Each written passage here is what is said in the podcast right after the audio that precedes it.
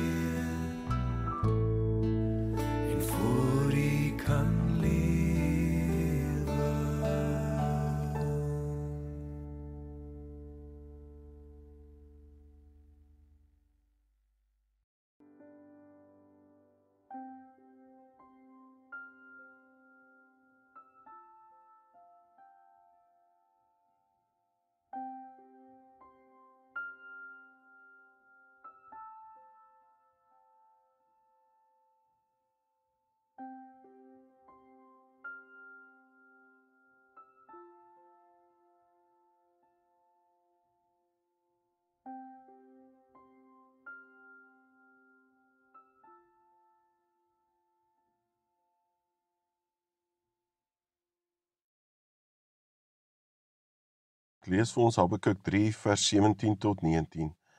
Al sou die vyeboom nie bot nie en daar geen druiwe aan die wingerde wees nie, al sou die olyfmoes misluk en die lande geen oes lewer nie.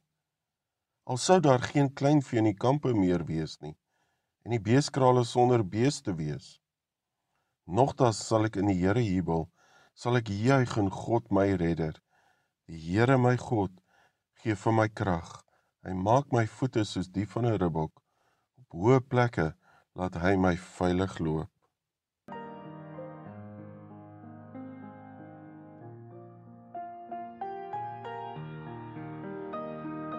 Habakuk besef dat hy maar kan wag vir die uitkoms van die Here. Die uitkoms kom verseker. Die gesig het wel 'n sidderende, ontstellende uitwerking op hom.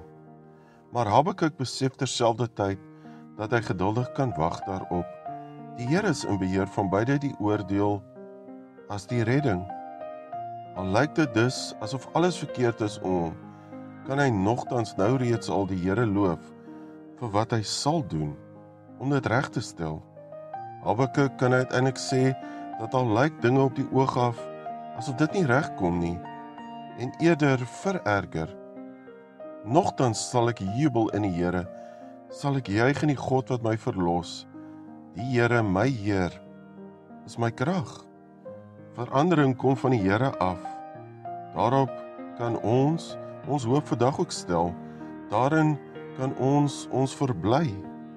Nogtans sal ek in die Here jubel. Om geduldig te wag bring verandering in ons eie gemoed en gedrag. Habakuk doen sy naam gestand en gryp vas aan die Here en vertrou hom. Deur op hom te wag, begin ons ook ervaar dat hy ons krag gee en ons voete soos die van 'n ribbok maak. Dan kry ons dit reg om op hoë plekke veilig te loop. Dan raak ons baie kere self katalisators in die verandering wat die Here bring. God versaak dus nie die wat hulle toevlug tot hom neem nie.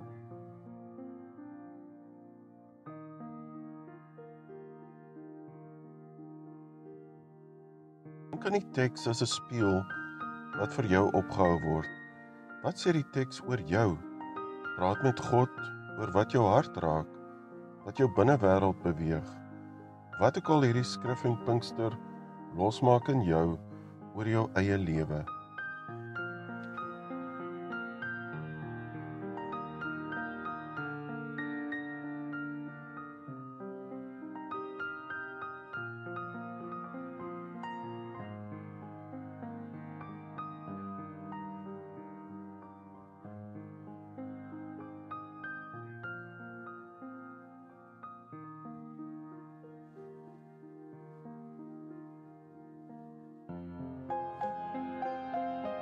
Dink aan die teks as 'n deur waardeur jy kan gaan. Watter reaksie vra die teks en hierdie Pinkster van jou? Wat moet jy doen?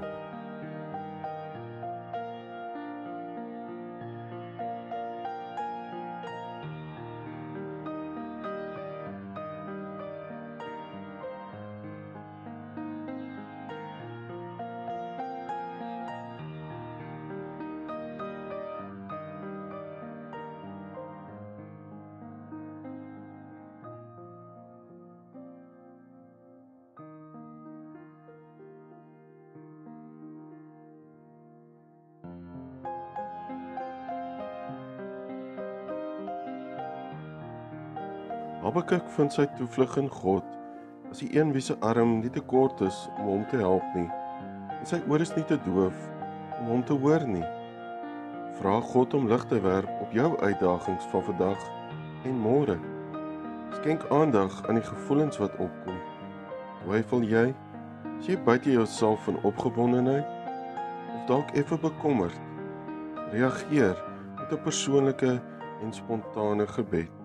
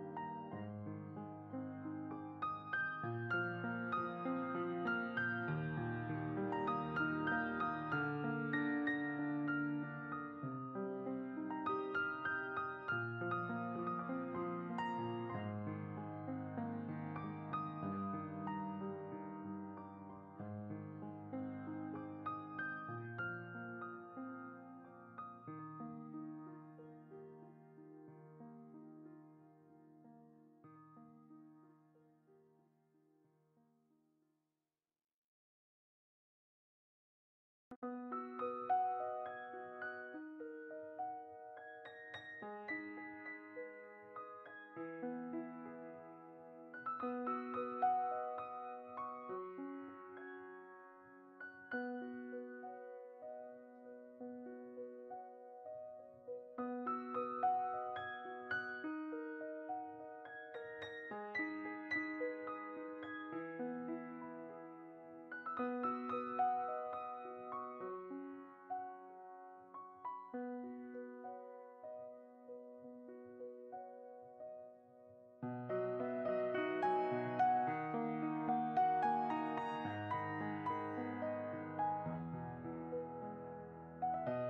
Neem dan 'n paar oomblikke en doen voorbereiding vir die huidige stand van die onderwysstelsel in ons land tydens die inperking.